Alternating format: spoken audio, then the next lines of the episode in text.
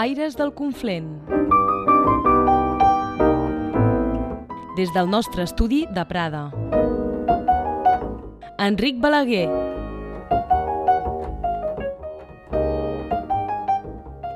Avui, al menú de la vostra emissió dedicada al Conflent, els alumnes del Col·legi Gustav Violet evocaran Jacint Verdaguer. L'Albert Mayol, el nostre especialista en planta, ens escriu La fusellada. Tenim un nou camixibai, el Marra Negra, i fa dos anys es feia un homenatge a Matías Mazarrico, ho recordem. La convidada d'avui és una pradenca de gairebé tota la vida, Françoise Planas. Ara mateix, Zoe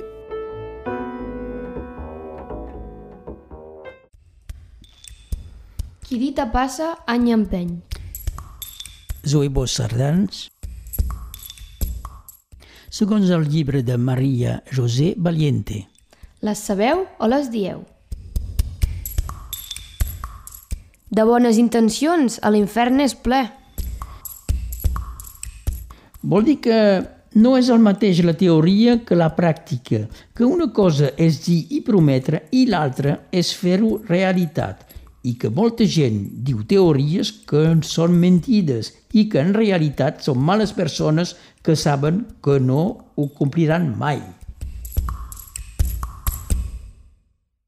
La nostra convidada a Aires del Conflent avui és una pradenca, Françoise Planàs, eh, que va néixer amb el nom de Begàs, i la tenim aquí a l'estudi. Bon dia, Françoise. Bon dia. Françoise, tu eh, no vas néixer al Conflent, ens, ens ho explicaràs, però hi vas viure molt de temps i estàs de molt de temps. On vas néixer? Vaig néixer en Cerdanya, a Caldegues. A Caldegues. I els teus pares es vivien allà? Vivien a, a Burmadama. I abans havien viscut... I després vam anar a Caldegues, de Burmadama a Caldegues. I abans havíem viscut a Puigcerdà. I els teus pares, del que m'has dit, no són catalans? No són catalans, no.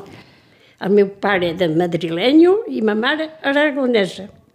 Doncs eh, instal·lat eh, després eh, a Cerdanya, tant a la part baixa de Cerdanya com a la part, la que diem alta, que Alta. tampoc quan estem a Caldegues no és massa alta. I quan vas arribar a Prada? Vaig arribar a Prada 46-47, ens vam estar a Catllà. A Callà primer. A primer a Catllà pendant sis anys i després vaig venir a Prada en 53. En 53. Donc vas arribar finalment just després de la, de la guerra. Sí, després de la guerra. Quan, vas, eh, quan era petita, quan vas baixar de Cerdanya cap aquí, com ho has viscut? Per tu era un canvi, una cosa bastant normal, eh, ho has viscut bé? Sí, eh, aquí tenia un munt de, de coses que a Cerdanya tenia pasta. Teníem pas la fruita que tenim aquí. La va canviar un munt. I ràpidament vas anar a l'escola ja a Callà? Vaig anar a l'escola Catllà amb el Planes, que tinc un, un, un bon record d'ell, i després vaig tenir, vaig passar el certificat d'estudi, perquè abans un certificat Sí, d'estudi era important. de ja important, i el vaig passar a Madame Salsa, que també tinc un bon record d'ella, I això aquí a Prada. aquí a Prada. Som alumne del col·legi Gustav Violet i hi ha el Lu, Hola, bon dia! la Liloya, Hola, bon dia! el Lluís, Hola! El Arthur, Hola! el Lucas, Hola! el Guillem, Hola! el, el la Lilou, Hola! la Eloane, Hola! i jo, hola. I la senyora Reyes, la magnífica senyora Reyes. la magnifique! Sí, Hola! Sí, sí, la magnifique! Dic Luca i amb els meus companys el Guillem Hola! i l'Artur Hola. anem a presentar-vos un joc teatral en el qual anem a fer reviure un moment amb el gran poet Jacint Verdaguer. Anem a llegir-vos un dels seus poemes més famosos i a través d'un joc de preguntes vos el fer conèixer més bé. La pobresa. Tot ho he perdut. Un home i la riquesa. Les colonnes de jo que he somiat. Me diu germà la unega pobresa. S'avergonyeix de mi la vanitat. Thierry per la finestra ma fortuna. Veien millor fortuna esdevenir.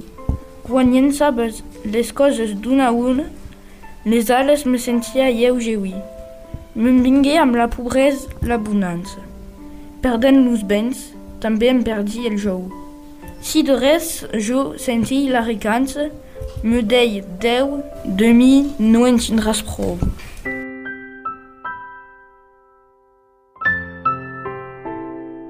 Hola, Yacine Verdaguer. Hola, On veu neix? vaig néixer a Folguerolles.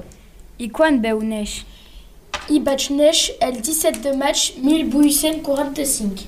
On viviu? Visc al Palau dels Marquès de Camillos, En quina vil? Cap a Bilbao. Què fèieu dins la vida? Era un poeta català i un capellà. Em podríem donar tres dels vostres poemes? Si. El primer, què és la poesia? El segon, les tres volades i lo colp. Què preferiu com tipus de literatura? Prefero la literatura catalana. Com es deia el vostre primer poema? Es deia Dos Martí de ma patria. A quin any heu començat les vostres estudis? He començat les meus estudis a 10 anys. Què heu fet com estudi? He fet el seminari de Vic. Què representa la llengua catalana per vostre? La llengua catalana representa l'amor de la llengua catalana per mi. Gràcies. Adeu, Yacine Verdaguer. Adeu! No hem trobat cap versió musicada del poema Pobresa. Us proposem un dels poemes més coneguts de Jacint Verdaguer, L'emigrant, en versió rumba catalana per Peret. dolça Catalunya, pàtria del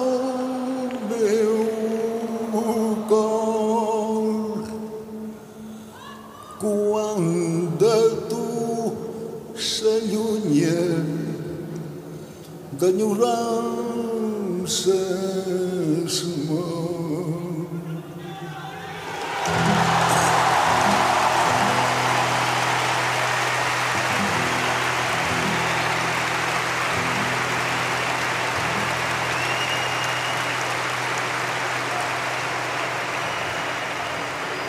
hermosa vall, bressol de ma infantesa, blanc Pirineu, marges i riu, ermita el cel suspesa, per sempre Déu harpes del bosc, pinsans i caderneres.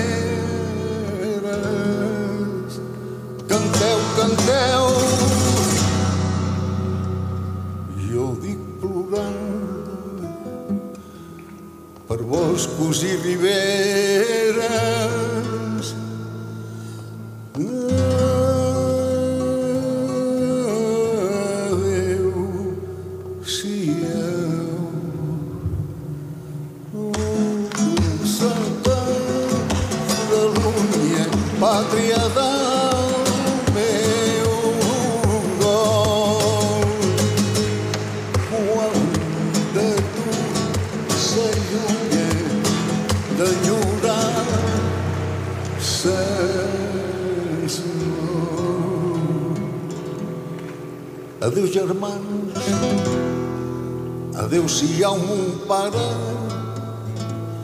ja no els veuré més. O si el fusar, un Jaume dolça mare, jo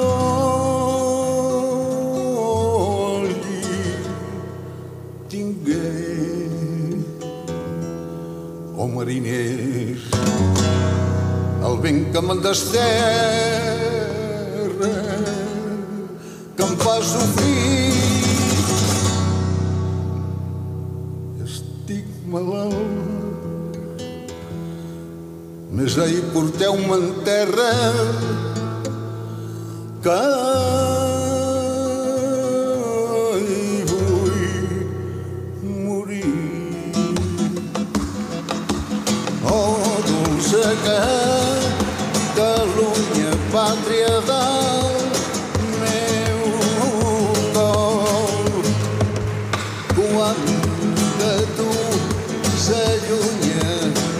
d'enyorar-se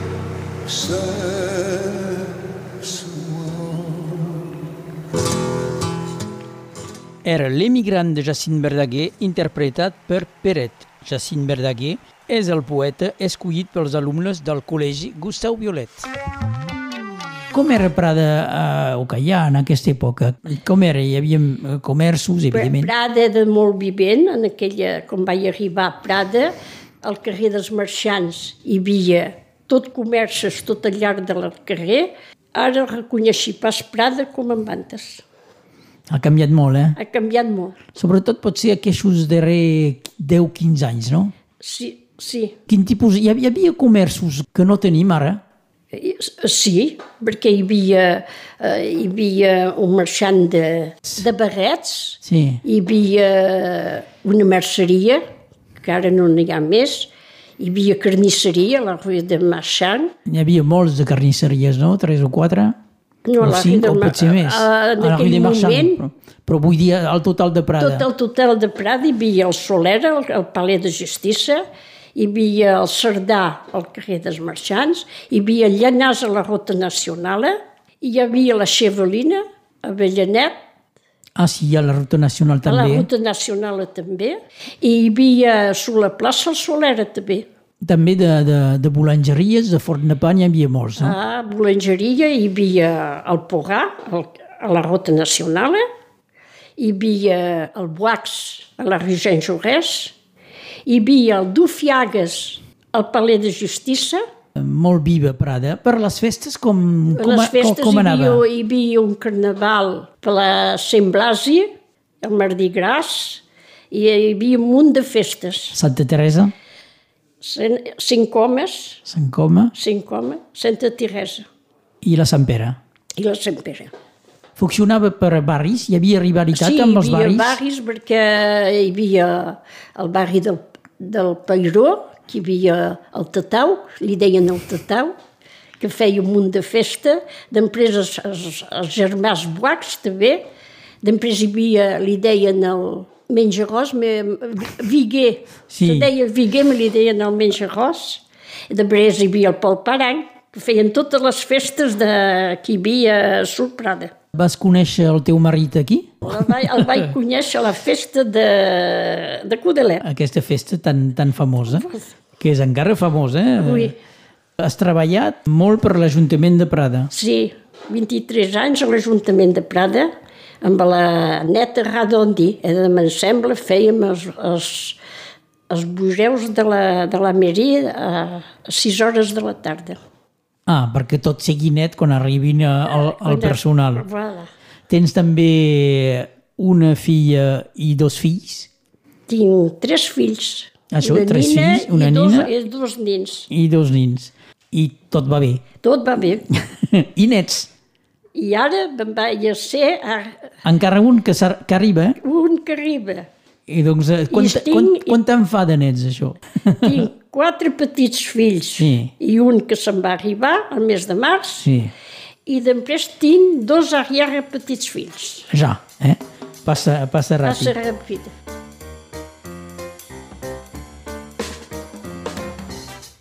Plantes de Conflent.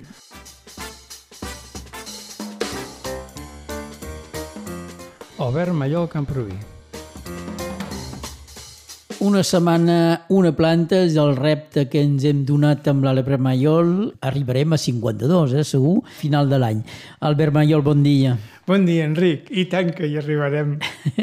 I eh, potser podríem fer molt més, eh? No, ani- anirem fent, si Anirem tot va bé. fent. Molt bé, doncs eh, avui, quina? Avui parlarem d'una planta curiosa, Globularia alipum. Uh, els noms en català, fusellades, d'aquí. Mm. Eh? Recollit per en Conill i també per d'altres botànics. I uh, en occità, herba terrible. Herba Ai, terrible. ai, ai, ai, ai, ai. Senet Bastard. Això és amb noms d'autors propers, Claudi Baixera, per exemple. I, I, per exemple, també pas massa lluny a l'Empordà, allà un Jo soc nat, Olivereta, que és un nom que només és, és d'allà, que ens explicarà part de com és la, la planta, tot i que aquest no seria pas un nom d'aquí. El nom fusellades vindria més aviat per l'aspecte que tenen les flors vist de davant, quan estan ben desplegades, que tenen una part central més fosca i una part externa més clara, com si fos un botó, que tenen aspecte d'una bala. Llavors, molt probablement el nom fusellades ha vingut d'aquí. D'acord. Sí, I després, sí. pel nom científic, es creu que alípum vol dir baixar el dolor. Això ens farà explicar alguns usos que, que té la planta. De què en fem d'això? Sí. I, exacte, del, de què en fem d'això.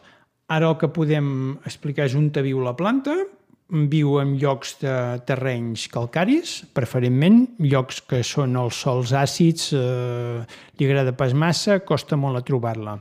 Per tant, sabent això, en aquí al Conflent i en d'altres bandes de, de Catalunya Nord, l'hauríem de buscar en els llocs que hi ha calç. Per exemple, en aquí seria Cornellà de Conflent, Vilafranca, Conat, eh, Sardinyà, seria els indrets que, que, que realment n'hi ha.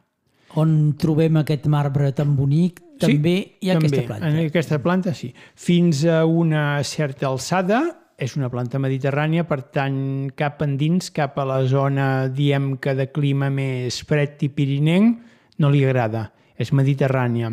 Però tot i així, tot i així, en aquí eh, puja fins gairebé als 900 metres d'alçada llocs calents, llocs calcaris.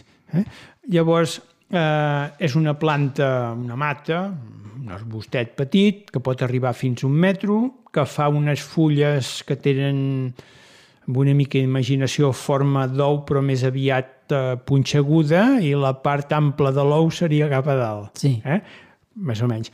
Gruixudetes, punxen pas, pas gaire, les tiges tenen forces fulles i té un aspecte a la, a la mata pas d'una bola, eh? un arbust una mica desgarbat, és dir, que treu moltes branquetes aquí i allà i quan se tomba fa això, que, clar, tothom busca la llum, fa com una espècie de raspall mirant cap a dalt i, i després a, a la fi, al final d'aquests branqui, branquillons, surten aquestes flors que tenen aspecte les flors de bala, de bala. Quan, quan són, quan són eh, ben obertes. I mm, molt boniques, són d'un color blau, per eh, fer-ho curt. Mm, blau-gris. Blau-gris, eh, sí, eh, prou bonic. Eh? I eh, veurem que a la part final de, de dels branquillons de vegades hi ha forces capítols junts. El que passa és que les tiges aquestes, secundàries, tenen els entrenusos molt, molt curts. Llavors surten de la xella de, de cada fulla, en surt o, algun. De vegades n'hi ha 4 o 5 o 6, de vegades n'hi ha un de sol, tot això. Bé, eh, és una planta que no es confon amb res pràcticament, perquè té un aspecte singular. I, i la podem trobar florida. Al mes de desembre ja n'hi ha. Té, té bon aspecte l'exemplar que tenim aquí, que tenim unes fulles, té bon aspecte, agafada fa, fa res, unes hores. I, i, i bé, eh, el cas és que no és un, una gran mata, una mata més aviat eh, petita, petita mitjana.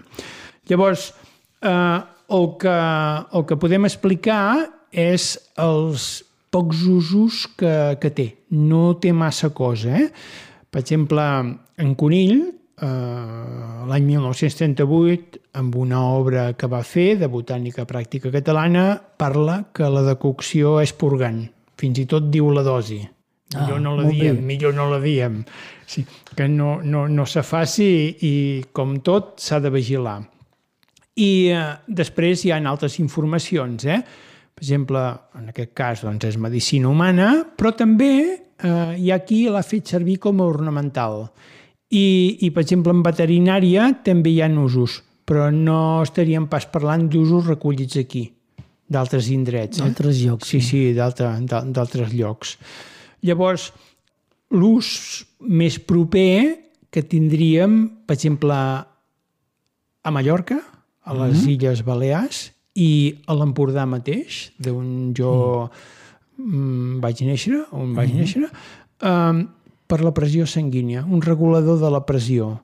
Que vagi bé o que no vagi bé, o que sigui una creença, és una altra cosa, però encara actualment hi ha gent que la fa servir.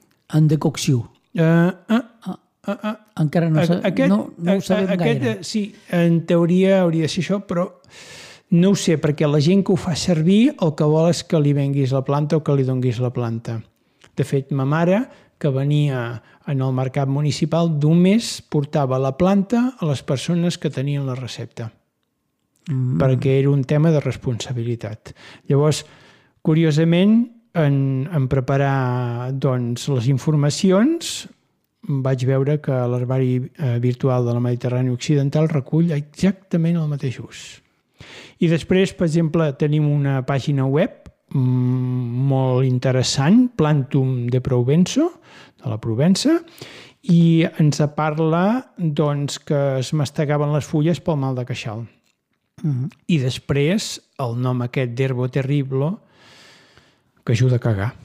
Sí, Així mateix, de fet, crec que seria més aviat una planta, en comptes de regular la pressió sanguínia, el que fa és de resolutiu, és dir, neteja. neteja. I pot ser degut a això baixa la pressió. I, i, i per exemple, diu, sembla que es fa servir contra el mal d'ossos i d'estómac. Deixem-ho aquí. Deixem-ho aquí. Sí. I fins a una altra per una altra planta. Moltes gràcies, Albert Mayol eh, Cam, Camrubí. Sí. Que... Albert Mayol Cam... Camrubí. Sí. Ah, i una cosa que ens, sí. que ens oblidem, recordar els noms. Sí, eh? recordem els noms. Els noms. Sí, uh, globularia alipum i en aquí fusellades i uh, uh, en occità sanet bastard o herba terrible. Moltes gràcies, Albert Mayol. A tu, Enric. Fins ben aviat. I fins ben aviat. Adéu.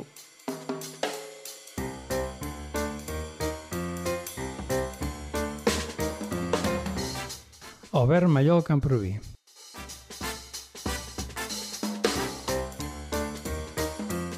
Plantes de Conflent. Ens coneixem perquè eh, eh, t'agrada cantar. Sí has eh, participat molt al Pessebre. Al Pessebre 25 anys. 25 anys. Eh, què expliquen al Pessebre vivent de... Va començar a Mosset, em sembla, no? No, no, vaig pas començar a Mosset. El vam començar a Prada, perquè Mosset existia, després eh, se van, el Miquel Perpinyà va voler eh, començar a fer un sur Prada. I doncs quina aventura és això, el Pessebre? Ah, molt bons records, perquè vam, vam fer un munt de... Vam anar a París, vam anar dins l'Isera, dins les Landes, a Tolosa, a Marsella, a Palmar de Mallorca i del costat de, de Catalunya sud. Sí, a Palafrugell. Palafrugell, Sant Feliu de Guixos, Ripoll, vam fer, vam fer un munt de pessebres allí eh, i a Barcelona. Què representa per tu el Pessebre? A part d'aquests bons records, eh, el fet que és una és un, un teatre, però un teatre una mica sacrat també. Sacrat i fa bé per l'esperit, fa bé per la memòria, fa bé per un munt de coses, eh? I per, eh, i per la fe. Tens la fe. Sí. sí. Quin seria el pessebre que t'ha portat més emoció? A París, a la Madalena a l'església de Madalena. Perquè hi havia tots els catalans de l'Associació Catalana de París que van venir i va ser molt emotiu. Mm. D'altres llocs, potser... També vam ser a, a Dislisera, també, perquè tinc amics comuns, i vam cantar a Sant Antoine, a la veïda de Sant Antoine. Això també és un record que, que queda per la vida. Hi ha grans llocs, eh? O, Hi ha grans llocs, on, sí. On heu anat sí. a, a cantar. I després a Barcelona també, a la, a la catedral de Barcelona vam cantar. Finalment ets uh, una, una estrella anònima. Sí, m'agrada pas massa. Eh, ets... Soc un poc tímida i m'agrada pas me fer veure. Però tot i així fas l'esforç de venir aquí a, a Radio Arels per ens explicar uh, algunes coses. Moltes gràcies.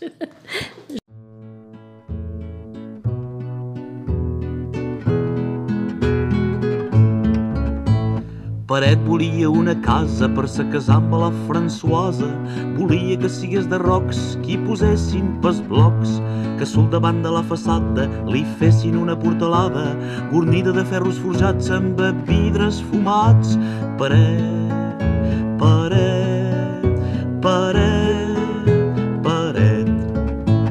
Paret volia un primer estatge amb una cambra pel mainatge i finestres amb balcó per mirar el canigú que sul darrere de la casa hi hagués un hort per la Françoise i que el davall sigui prou gros per posar les.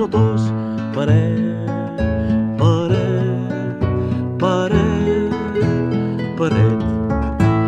Paret era escrit el xomatge i com li restava coratge pensava que d'un cop de pot li cauria el gros lot. Per això mudat cada diumenge tornava a prendre sa revenja fent cua al cafè del dos galls per alinear tres cavalls. Paret, paret,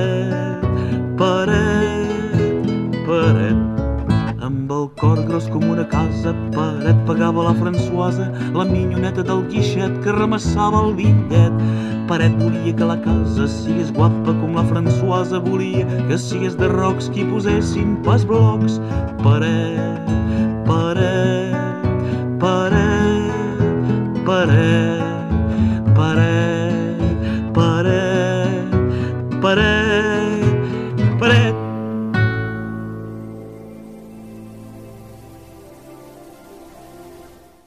Els camixibais del Casal del Conflent.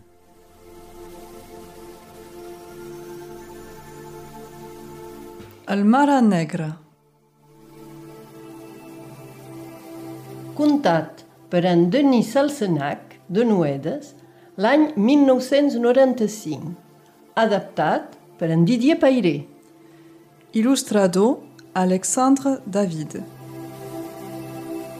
Quillat sus una pedra a la vora del gorg negre, en Guillú mirava fixament la superfície de l'aigua. El bon ca s'estava als seus peus.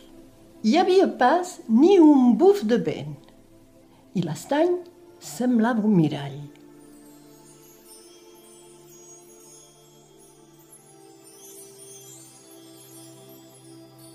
El petit ramat de fedes pasturava l'entorn i sols se sentien els bels dels animals i el gring-gring de les esquelles.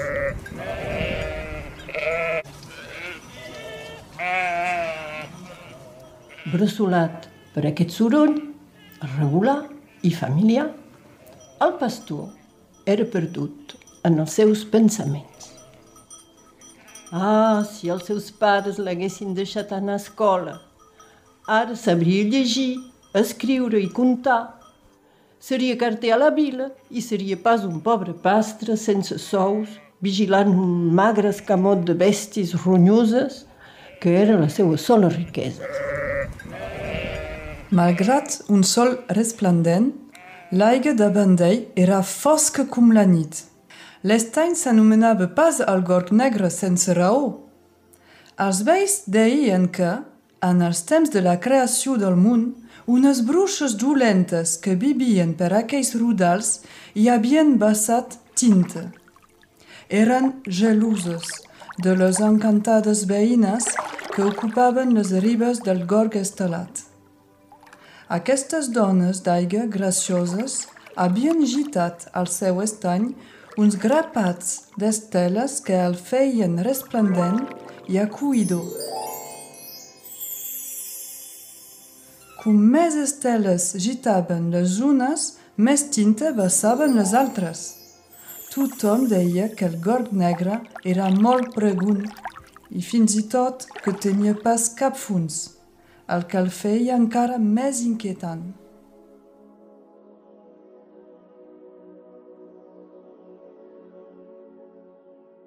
una ombra va passar sul cap d'en Guillú.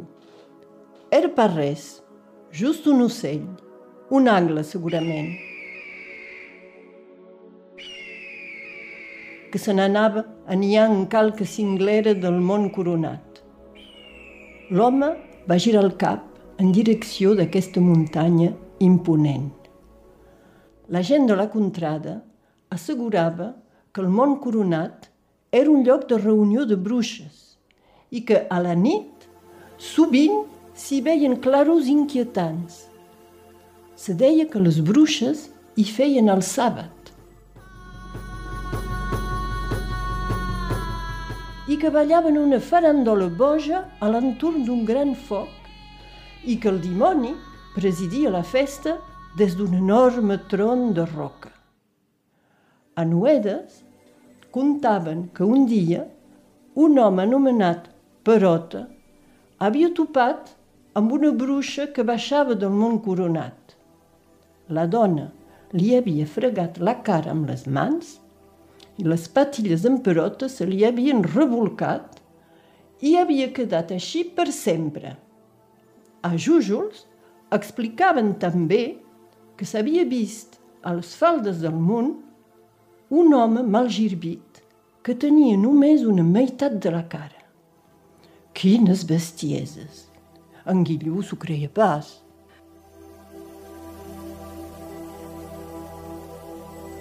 Per lluitar contra l'avorriment, en Guilló va llançar una pedra dins l'aigua tranquil·la. Els altres pastors mai de la vida haurien fet una tal cosa. Segons ells, era molt, molt perillós, ja que podia provocar una tempesta sobtada i tremenda. Bajanades encara. En Guilló era pas gens ni mica supersticiós. Després d'haver engolit un tall de pa mig sec i un tros de formatge ben dur, se va estiflar dins l'herba, decidit a encetar una bona migdiada. Havia clucat els ulls i començava de s'endormir quan se va adonar que quelcom anava pas bé. Els i les escaiades havien parat totalment i un craputell estrany se sentia i s'anava amplificant. En Guillú se va aixecar i va quedar bocabadat i els ulls estabanats. Un gros marrà tot negre s'estava a la vora del gorg, regalimant de per tot. Les potes a darrere encara dins l'aigua. Se va fregar els ulls. És pas possible! Maria Santissimeta, d'on sall aquest animal? S'ho preguntava, me ja coneixia la resposta. El marrà havia eixit de les profunditats desconeixides i misterioses del gorg negre.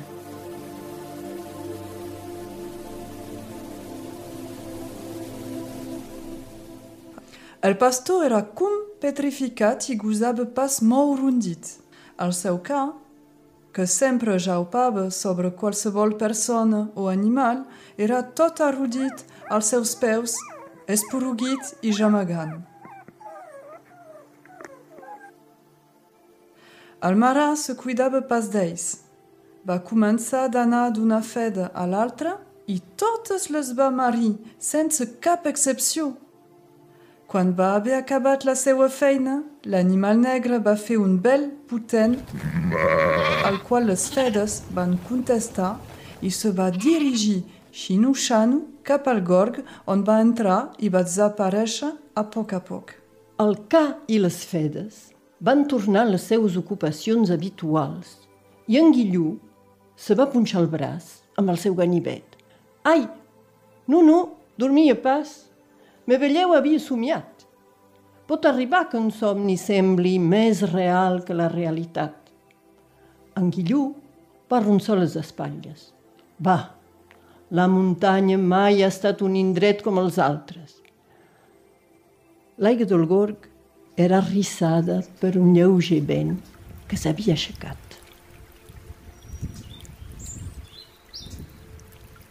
Cap al mes d'octubre, el pastor, el ca i les fedes van abandonar el gorg negre. L'hivern s'anunciava precoç i les nevades eren imminents.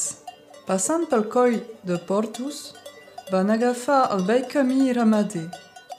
La Molina, el bac dels Pudents, Bertí, el roc dels Moros, el pont de Font Lleberge. Seguint aquest itinerari ancestral, van arribar fins a Aebul, on en Guilló tenia una pobra caseta mig ruïnosa i un petit curtal on el ramat eixibernava. El pastor espiava les seues fedes. Sabia que eren plenes. La vigília de Nadal, el miracle se va produir. El mateix dia, cada una de les fedes va donar vida a tres xais, el que és una cosa excepcional per a aquest animal, que en sol tenir fora un o dos. I aquests xais eren en bona salut, eren força bonics i eren tots negres. A llavors, l'escena de l'estiu passat, que s'havia pensat que era un somni, va ressorgir en la memòria de l'home. El més extraordinari és que aquests xais creixien tan de pressa que en poques setmanes se van fer adults.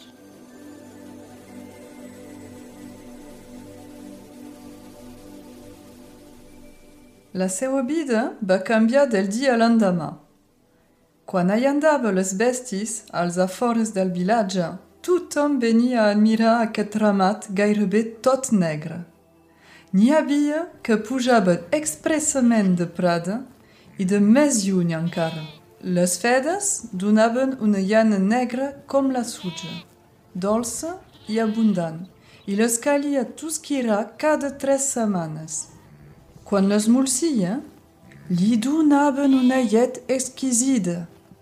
Amb la planta que se diu florera, fabricava uns formatgets blancs com la neu i deliciosos. La llana negra i els formatgets s'arrencaven al mercat d'Olet. En Guilló havia canviat. Ara anava mudat amb vestits nets i elegants i havia canviat el seu vell bastó corcat per un pal envernissat amb un cap de brau al cim. Ell que era acostumat a rosegar un crustó de pa per passar la gana, ara menjava més bé que el senyor Baia i que el capellà. Els rals de plata li queien dins la butxaca i emplenava dia rere dia una vella tupina amb tot el que guanyava. Era corsecat per l'avarícia.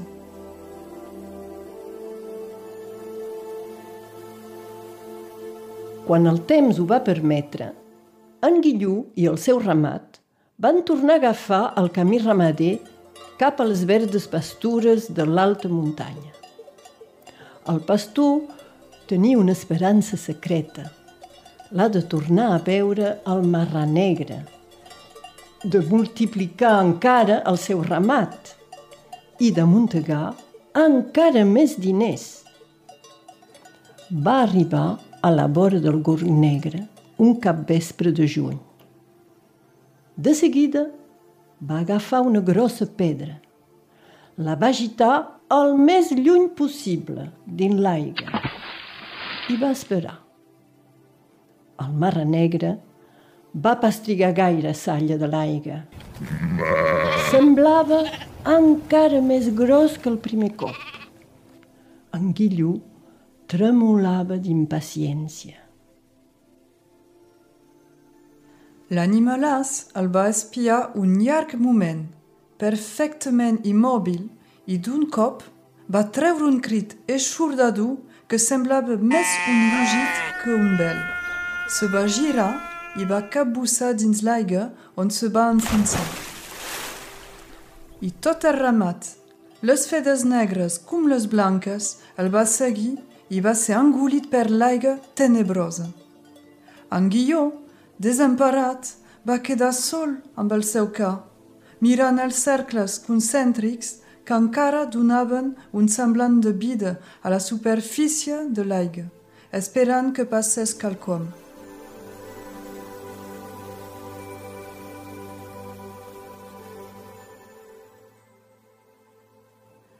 Va pas passar res. La nit caïa i allargava les ombres d'uns pins esquelètics sobre l'aigua color de tinta del gorg negre. Al cim del munt coronat, una estranya lluor anava i venia. Al sostret hi passa un rat i aquí baix un escarbat. I el meu conte és acabat.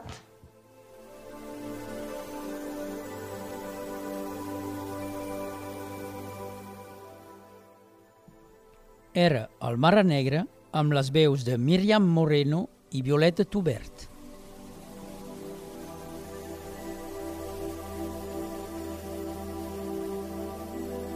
François, has cantat molt. Uh, després d'anys i panys de pessebre, has continuat a cantar a les corrals, a dues corrals, ens has dit. Quin és el teu uh, record més, uh, més emotiu, més fort de la teva activitat de, de corrista?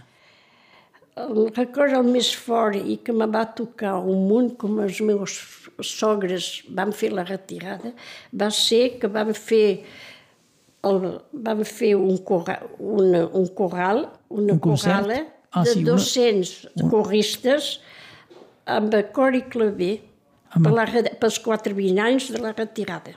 I on vau anar? Vam anar a Arles, a Sant Geni de Fontena, Tuí i Prada. I això per tu és un gran moment. Oui, un gran moment perquè els meus, els meus sogres sí, per això. m'ho van talament explicar tot el que se va passar i que la meva sogra va passar de nits de, de llibi per venir a França la nit amb els dos, amb els dos pallagos, la seva nina i el seu nin, que el seu nin era del meu home, que tenia que sis anys. I això va marcar el meu home per la vida. Ràdio Arrels. A Taurinyà, 95.5.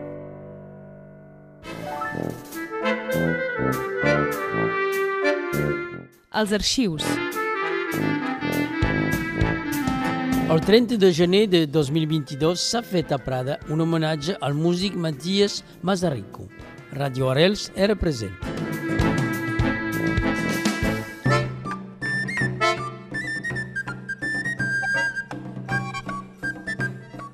Organitzat pel Casal del Confent, el concert ha comptat amb la participació de cantadors i sonadors vinguts d'arreu dels països catalans, Jaume Arneia, Vicent Torrent, Biel Majoral i alumnes i professors del Conservatori de Perpinyà. Encara sonen les gralles després d'aquest concert d'homenatge a Matías Mazaricó i ens trobem amb tres personalitats, jo voldria dir, que han actuat eh, aquesta, aquesta tarda, Biel Majoral, Vicent Torrent i Jaume Arneia. Vicent Torrent, comencem per el més eh, allunyat, geogràficament. Quina és eh, la vostra sensació després d'aquest eh, concert? Ha sigut una experiència preciosa. Per, per, per a mi ha sigut un, un plat de molt de gust allò, perquè, perquè, perquè ens hem trobat gent de tot arreu dels països catalans, eh, cosa que no sempre és possible. Hem, hem menjat junts dels menjars que hem portat, els, mes, els menjars sonors que hem portat tots, cadascú de, de casa seva, ha sigut preciós. Jaume, Matías, una persona coneguda. Sí, ja fa, ja fa temps que ens coneixem i hem, hem coincidit amb coses i amb... Sí, sí. Però bueno, ja, avui ha estat esplèndid. El que passa és que eh, jo, a mi se'm posa la pell de gallina aquí dalt de l'escenari eh, veure cantar, eh, sentir cantar, per exemple, eh, amb Diel La Porrassa, eh, vull dir, mira que és una cançó senzilla, doncs, doncs t'ho juro que quedo... Que quedo eh, és la canya que li fot. Exacte, exacte, exacte. Això, doncs, doncs és, eh, és una cosa que, que, que, que no sé, que, que arriba com molt directe, és, que és com una, una injecció a la sang. Aquí, aquí, aquí ell, fa, ell fa una presentació de l'Oja i la Faràndula que ho descriu molt bé. Eh? El que, és, que és fer aquest camí, anar fent, de mons diferents, perquè cadascú té la seva feina, té les seves coses, però tots tenim un, un país que el portem, com el va dit el Jaume, al ventre. Sí, sí, al ventre, sí, sí. a més de, a més de les orelles. Bé, les orelles ja només hi portem audífons ara ja. I, I el Masarico també m'ha agradat perquè ha recordat, quan hem parlat, el Toni Artigues, el meu gran amic, que també xirimier, que, que eren molt d'amics, i, i res, i tots els lligants, perquè eh, venia a parar de, l'escola d'estiu, veure tota aquesta gent i, i, i pensar que som el mateix país, encara que hagi la mà pel mig, bé, això ho hem de, és que això ho hem de fer més, ho hem de fer més, tu, perquè encara són joves. La música tradicional com eh, toqueu encara és viva, malgrat totes les modernitats. Oh, i tant, i tant. Mira, només has de veure aquí la gent com, com, com respon. La gent té necessitat de que aquestes cançons hi siguin. No només aquestes, també d'altres, però aquestes hi han d'estar, hi han d'estar presents. Venir de terres tan llunyanyes, ho, ho trobeu punts comuns entre Catalunya Nord i el País Valencià? Molts, molts punts comuns, sí, sí, sí. Es trobem com a casa quan sentim parlar els que parlen en, en català i, i quan sentim la música tradicional d'ací, doncs sentim com si estiguéssim sentint la música tradicional d'allà. Vol dir que n'hi ha molts punts en comú, i tant. Oh, mira que el Masarico t'ha fotut una jota valenciana. Ah, sí, sí, sí, sí, sí, sí. Ha encontrat un altre Matías Masaricó, que és un cap gros, però vosaltres, vos, heu encontrat un Biel Majoral. El Majal de 4 anys. Ah. que m'ha vingut a veure. M'he com emocionat. Es, de, es diu con- de cognom Majoral i li van posar Biel i diuen perquè varen pensar en tu. Tu t'imagines posar el nom d'una criatura? Dic, pobra criatura, però està molt content. Clar que sí. Aquest viatge ha estat molt emotiu. Gràcies a tots tres. Biel i Jaume, Vicent, moltes gràcies. A vosaltres. I fins una altra. I endavant amb la ràdio, i endavant amb la ràdio. I tenim altres artistes que han actuat aquesta tarda a l'homenatge a Matías Mazarico, el xeremier Martorell. Expliqueu això de, de xeremier. Xeremier és la persona que toca la xeremia, la cornamusa, eh? Però no només, per jo un xeremier ja no només una persona que toca la xeremia, sinó una persona que creu en una cultura, en una manera de fer festes i amb la implicació personal en tot el procés. Molt viva encara a Mallorca? Uh, sí, ves, a Mallorca els xeremiers no s'han perdut mai, sempre n'hi ha hagut generacions i generacions. De fet, uh, un, el darrer estudi que se va fer damunt xeremies a Muro uh, dataven de 1.300 de dates de pagaments a músics, és a dir, que de 1.300 cap aquí, ja van fer una conferència que se deia 700 anys de xeremies ininterromputs a Mallorca, o sigui que sempre, sempre n'hi ha hagut. En Matías és un xeremier. Sí, ha vengut a la trobada de xeremiers de la Pobla en diverses ocasions i és un gran, gran erudit dels instruments. A mi me va fer un flabiol en la, fet de canya, i va fer, ha fet molta feina amb els instruments de canya, i bé, jo personalment som un gran admirador de, de tots aquests instruments i sempre n'hi he comanat a ell amb altres afinacions, això. Anaïs Falcó, Matías Mazarico fa part del vostre, del teu paisatge musical? Totalment, o sigui, quan era adolescent era una fan dels ministrils del Rosselló, sempre podíem anar a ballar amb els seus mm, concerts, anar-los a escoltar i tota la discografia que han anat generant, tot el repertori ha sigut après i ha sigut transmès perquè en aquest sentit no hem tingut mai cap frontera. Personalment forma part del bagatge de, de formació en el context de les músiques tradicionals. Nosaltres estem especialitzats en cançó improvisada, que és a dir, que inventem la lletra de les cançons al moment i concretament fem en format de corrandes, que són un tipus de cobles que molts deveu conèixer corrandes tradicionals, com corrandes són corrandes, jo us encantaré 10.000, de cançons i de corrandes jo us encantaré 10.000, que les porto a la butxaca lligadetes amb un fil. Però, evidentment, ens calia saber com Matías Mazarico ha viscut aquest moment.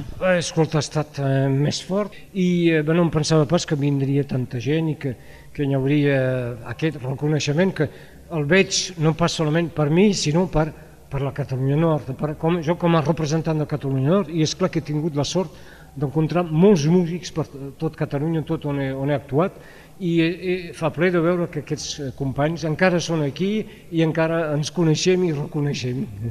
Una de les sorpreses va ser un cap gros a l'efigie de Matías que ha compartit l'escenari. Ja me l'havien fet a Barcelona a la plaça del Rei, però, eh, esclar, no em pensava pas al veure ara quan ha sortit aquí, doncs, aquesta, eh, em veien un mirall una miqueta més jove. Sí, sí. Ets uh, realment una de les persones clau per la, la música popular nord-catalana. En tens uh, consciència? Uh, escolta, ho diuen els altres, jo penso que, esclar, he tingut... He, he estat un azar, m'he trobat en un temps on no hi havia quasi res aquí, doncs hi havia tota la feina a fer i com que m'interessava, em vaig trobar un dels primers a, a poder reutilitzar el sac de gemecs o la clorur diatònic, eh, també un poc el flaviol tamborí eh, fora de la copa, diguem, però és clar, i ara, 40 anys després, és clar, que he estat un dels pioners, però no ho he pas escollit, eh? és així, i n'hi ha d'altres que segueixen a darrere i això. la cosa continua, és, és el principal. Eh? M'adono ben segur que he fet també eh, la meva part, eh, diferent del que han fet els altres, però és, només, és afegir una pedreta al conjunt de les coses que s'han fet, i ja està.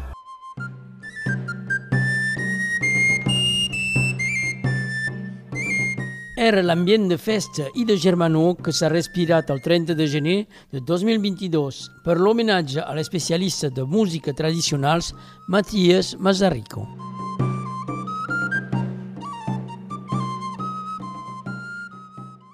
Els arxius.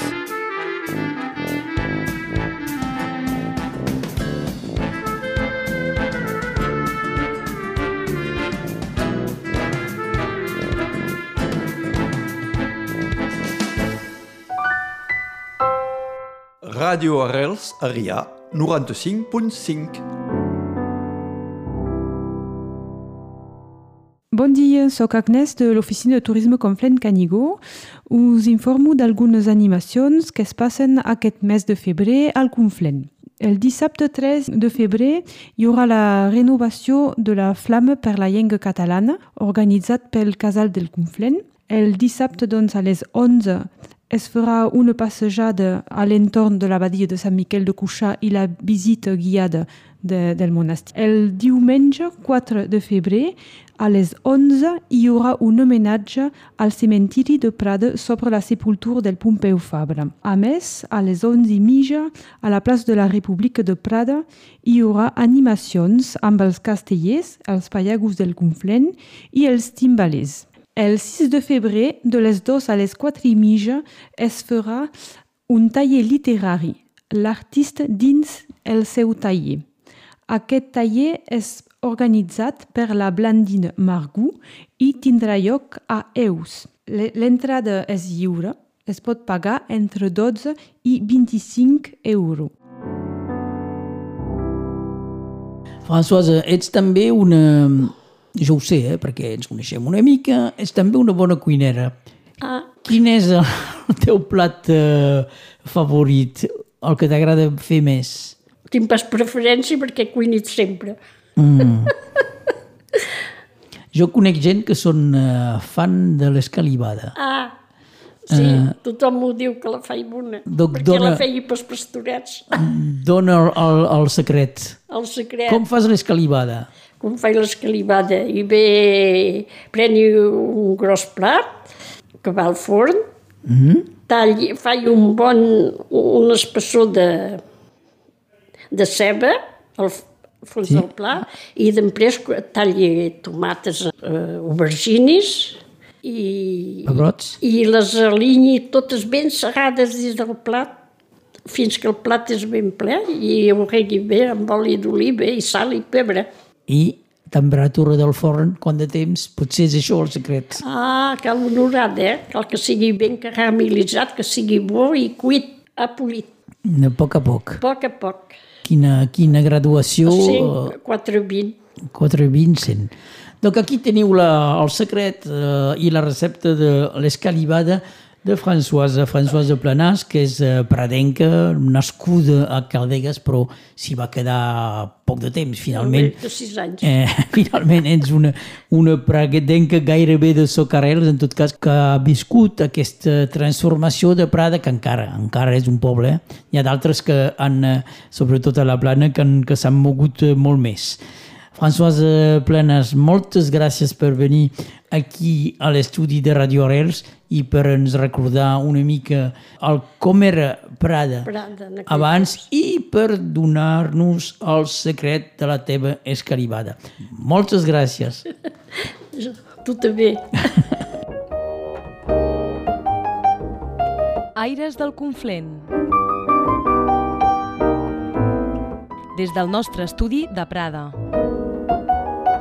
Enric Balaguer.